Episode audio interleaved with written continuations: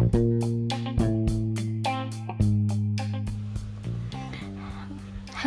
kali ini kita akan membahas tentang rekrutmen dan seleksi.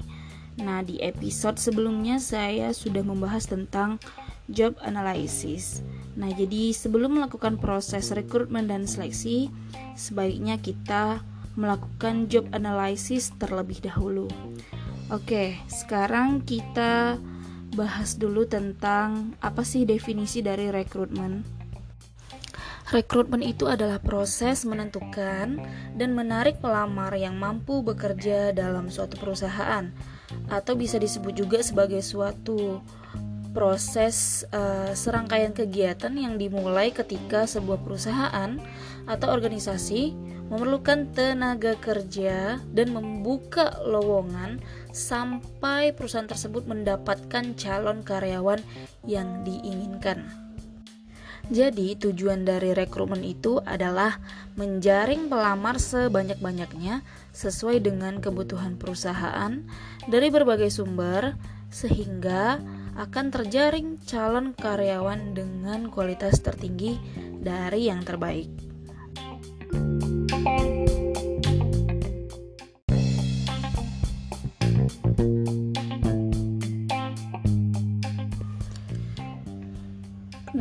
Kemudian sebelum perusahaan atau organisasi ingin melakukan rekrutmen, ada prinsip-prinsip yang perlu dijaga dan harus dilakukan. Prinsip yang pertama yaitu mutu karyawan yang akan direkrut harus sesuai dengan kebutuhan yang diperlukan untuk mendapatkan mutu yang sesuai. Untuk itu, sebelumnya kita perlu membuat analisis pekerjaan. Nah, ini sudah dibahas ya pada episode sebelumnya yang berjudul job analysis. Jadi job analysis itu terbagi menjadi dua, yaitu membuat deskripsi pekerjaan dan spesifikasi pekerjaan. Kemudian prinsip yang berikutnya yaitu jumlah karyawan yang diperlukan harus sesuai dengan job yang tersedia. Nah, untuk mendapatkan hal tersebut, maka yang perlu dilakukan yaitu kita membuat peramalan kebutuhan tenaga kerja dan analisis terhadap kebutuhan tenaga kerja atau workforce analysis. Kemudian prinsip yang ketiga atau prinsip yang berikutnya yaitu biaya yang diperlukan itu harus diminimalisir. Jadi jangan sampai kita melakukan perekrutan tapi ternyata kemampuan keuangan perusahaan itu tidak memadai. Kemudian uh, yang berikutnya, prinsip yang keempat yaitu perencanaan dan keputusan-keputusan strategis tentang rekrutan. Ya, jadi kita harus melakukan perencanaan dulu sebelum melakukan perekrutan. Nah, perencanaan ini hendaklah perencanaan yang strategis. Artinya harus berkaitan dengan seluruh bidang-bidang atau divisi yang ada di sebuah organisasi atau perusahaan. Dan yang terakhir yaitu kita harus mempertimbangkan masalah hukum.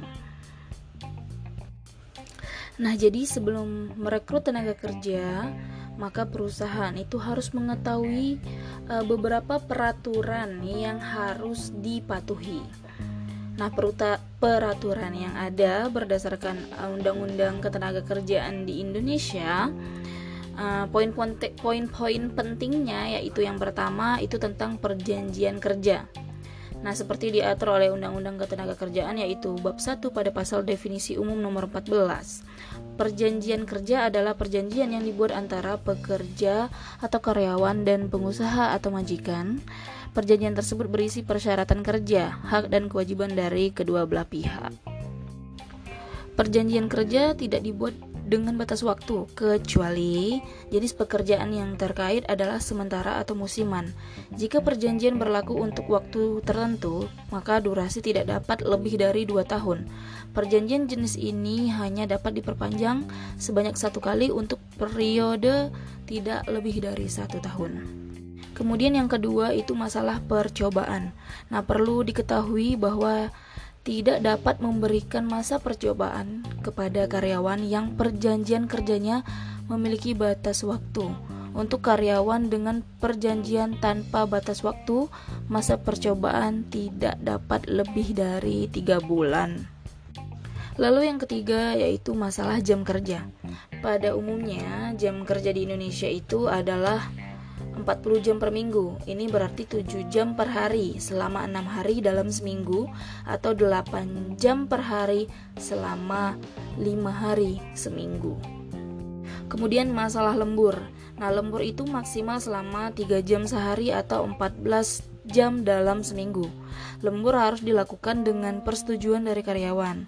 Maka dari itu, karyawan memiliki hak untuk menerima upah lembur dan karyawan yang bekerja selama hari libur juga harus menerima upah lembur.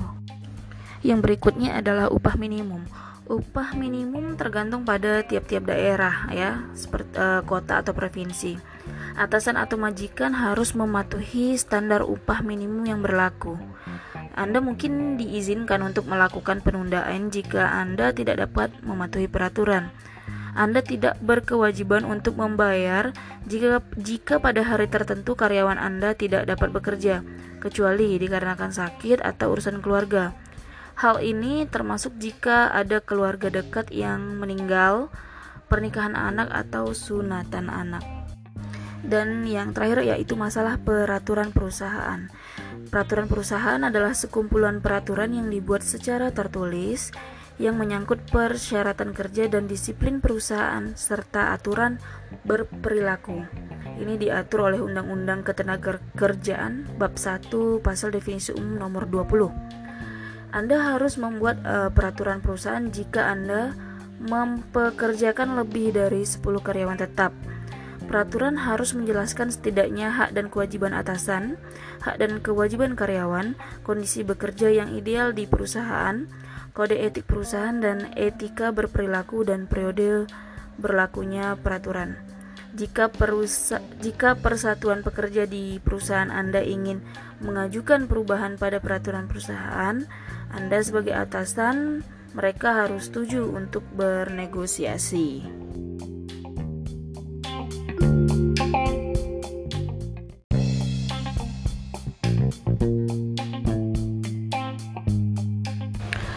Nah, sekarang kita bahas tentang ada nggak alternatif selain rekrutmen nih. Misalnya ada pekerjaan tambahan yang perlu ditambah tenaga kerja baru. Kalau nggak mau lakukan rekrutmen, kira-kira bisa nggak? Nah, jawabannya bisa. Alternatif selain rekrutmen itu yang pertama overtime. Nah, overtime atau bisa disebut lembur. Nah, jadi lembur atau tambahan jam kerja bagi karyawan itu tentunya ada aturan yang harus dipatuhi. Jadi jangan sampai kita melakukan lembur tapi tidak ada tambahan uh, tambahan pendapatan untuk mereka atau tambahan bonus ataupun gaji ataupun insentif. Nah, kemudian yang kedua alternatifnya yaitu subkontraktor. Nah, subkontraktor ini adalah perusahaan konstruksi yang melakukan kontrak dengan kontraktor utama untuk melakukan beberapa item pekerjaan tertentu bentuk kontrak yang dilakukan atau subkontraktingnya akan terpisah dengan kontrak utama dan akan diselesaikan sebelum masa kontrak utama selesai. Nah, kemudian alternatif yang uh, berikutnya yaitu outsourcing. Nah, jika merujuk pada Undang-Undang Nomor 13 Tahun 2003 tentang Ketenagakerjaan, ya outsourcing atau bahasa Indonesianya alih daya dikenal sebagai penyediaan jasa tenaga kerja seperti yang diatur pada pasal 64, 65 dan 66.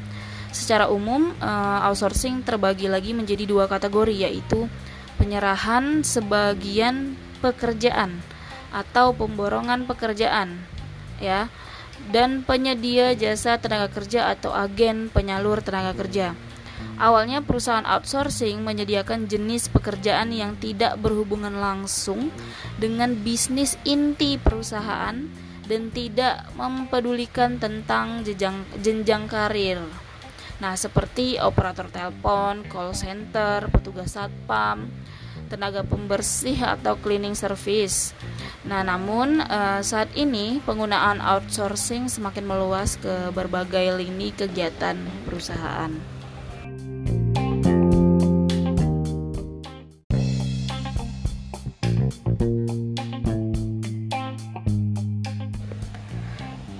Baiklah, biasanya di dalam proses rekrutmen perusahaan akan melakukan beberapa persyaratan kepada calon pekerjanya. Biasanya tahap pertama itu dimulai dengan menyeleksi administrasinya, kemudian nanti baru biasanya dipanggil untuk wawancara kerja. Nah, itu tergantung juga dari organisasinya apa. Misalnya bisa jadi ada tes komputer dulu nih. Jadi setiap perusahaan punya beda-beda kebijakan. Nah, tapi di sini saya ingin uh, berbagi tips kira-kira gimana ya supaya proses uh, lamaran kerja kita itu bisa diterima oleh perusahaan. Nah, sebelum melakukan melakukan uh, melamar kerja, yang perlu kita ingat adalah yang pertama kita perlu mempersiapkan diri terlebih dahulu. Apa yang perlu dipersiapkan? Tentunya yang pertama adalah wawasan. Ya, jadi jangan sampai kita ingin bekerja di suatu perusahaan misalnya tentang hmm, pariwisata namun kita nggak punya wawasan ke pariwisataan nah jadi modal wawasan ini yang bisa nanti kita uh, manfaatkan pada pada proses melakukan pelamaran kerja Kemudian yang kedua yang perlu dipersiapkan adalah sosial media Anda. Jangan sampai sosial media yang Anda miliki itu ternyata dinilai enggak banget sama orang HRD. Nah, jadi HRD zaman sekarang kadang-kadang juga melihat uh, sosial media kita. Jadi dia di, dia melihat atau menilai karakter seseorang dari medsosnya, misalnya Instagram atau Facebook ternyata misalnya di Instagram atau Facebook kita cenderung suka ngomongin uh, orang atau suka menceritakan kejelekan uh, teman kerja atau suka ngeluh. Nah, itu menjadi uh, dampak yang sangat negatif terhadap keputusan uh, kerja kita nanti. Nah, jadi sebaiknya kita membuat uh, sosial media kita itu bisa dinilai positif oleh perusahaan. Buatlah media sosial yang sesuai dengan karakter Anda. Namun bukan berarti itu pencitraan, tapi itu benar-benar branding Anda. Nah, tapi kadang-kadang kan nggak semua orang ingin mempublish tentang dirinya di medsos karena itu masalah pribadi sebenarnya. Nah, namun yang perlu diingat kalau kita tidak ingin melakukan uh, apa namanya promosi diri kita di sosial media kita cukup tidak melakukan hal-hal negatif di sosial media dan itu sudah lebih dari cukup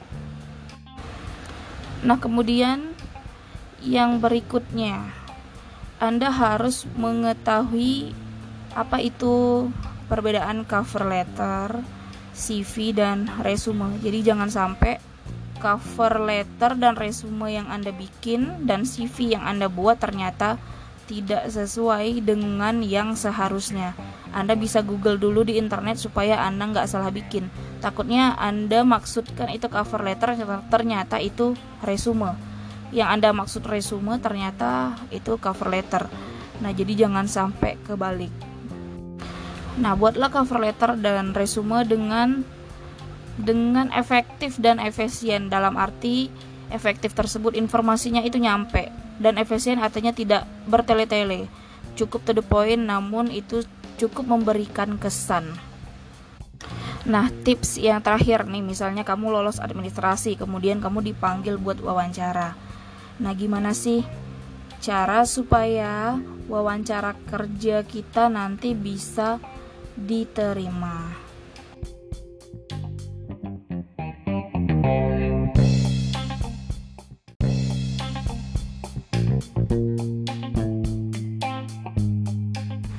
Nah, tips lamaran kerjanya yang pertama yaitu kamu harus mampu memberikan kesan pertama yang bagus dan unik. Unik bukan berarti aneh-aneh ya, tapi maksudnya di sini kamu harus bisa beda supaya kamu diingat oleh uh, siapa yang menginterview kamu.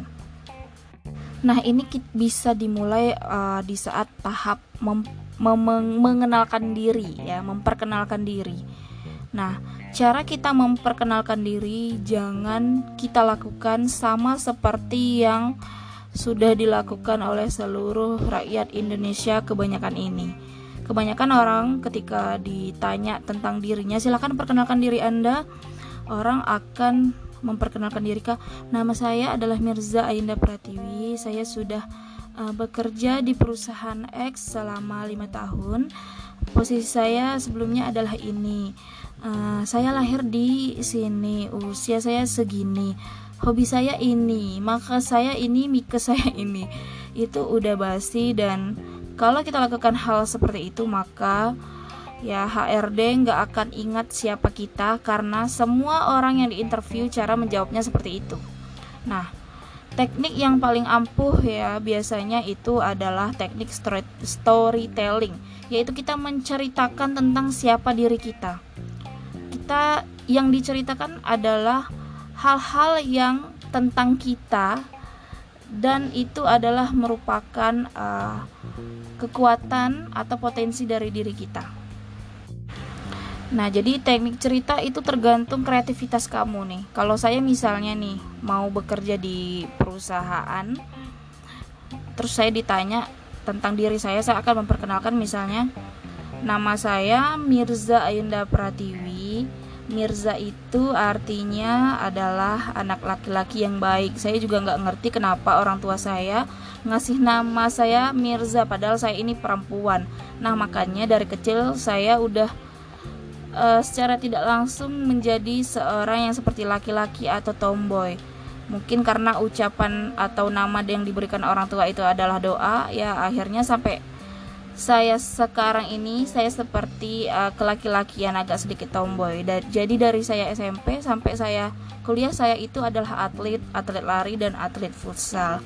Nah, kemudian sekarang-sekarang ini saya lagi suka dengerin podcast buat belajar karena hobi saya emang belajar. Nah, itu adalah salah satu teknik memperkenalkan diri kita yang uh, unik. Jadi dengan menceritakan siapa diri kita itu lebih efektif daripada kita membaca detail nama, umur, agama dan segala macam. Nah, kemudian biasanya HRD uh, juga nanya tentang perusahaannya atau posisi yang akan kita tempati. Nah, jadi sangat perlu kamu melakukan riset sebelum kamu diwawancara tentang organisasinya, kemudian siapa petinggi-petingginya, ya siapa CEO-nya, siapa manajer-manajernya, kemudian apa visi misi perusahaan tersebut itu harus kamu ketahui. Kemudian posisi yang kamu inginkan juga kamu harus tahu tugasnya apa aja. Kemudian biasanya HRD juga nanya tentang apa sih uh, kekuatan kamu. Nah, ketika menjelaskan kekuatan diri kamu jangan sampai terkesan over atau sombong Nah, jadi kamu harus pintar-pintar menjelaskan diri uh, dengan cara tidak menunjukkan keangkuhan ya atau kamulah segala-galanya gitu loh.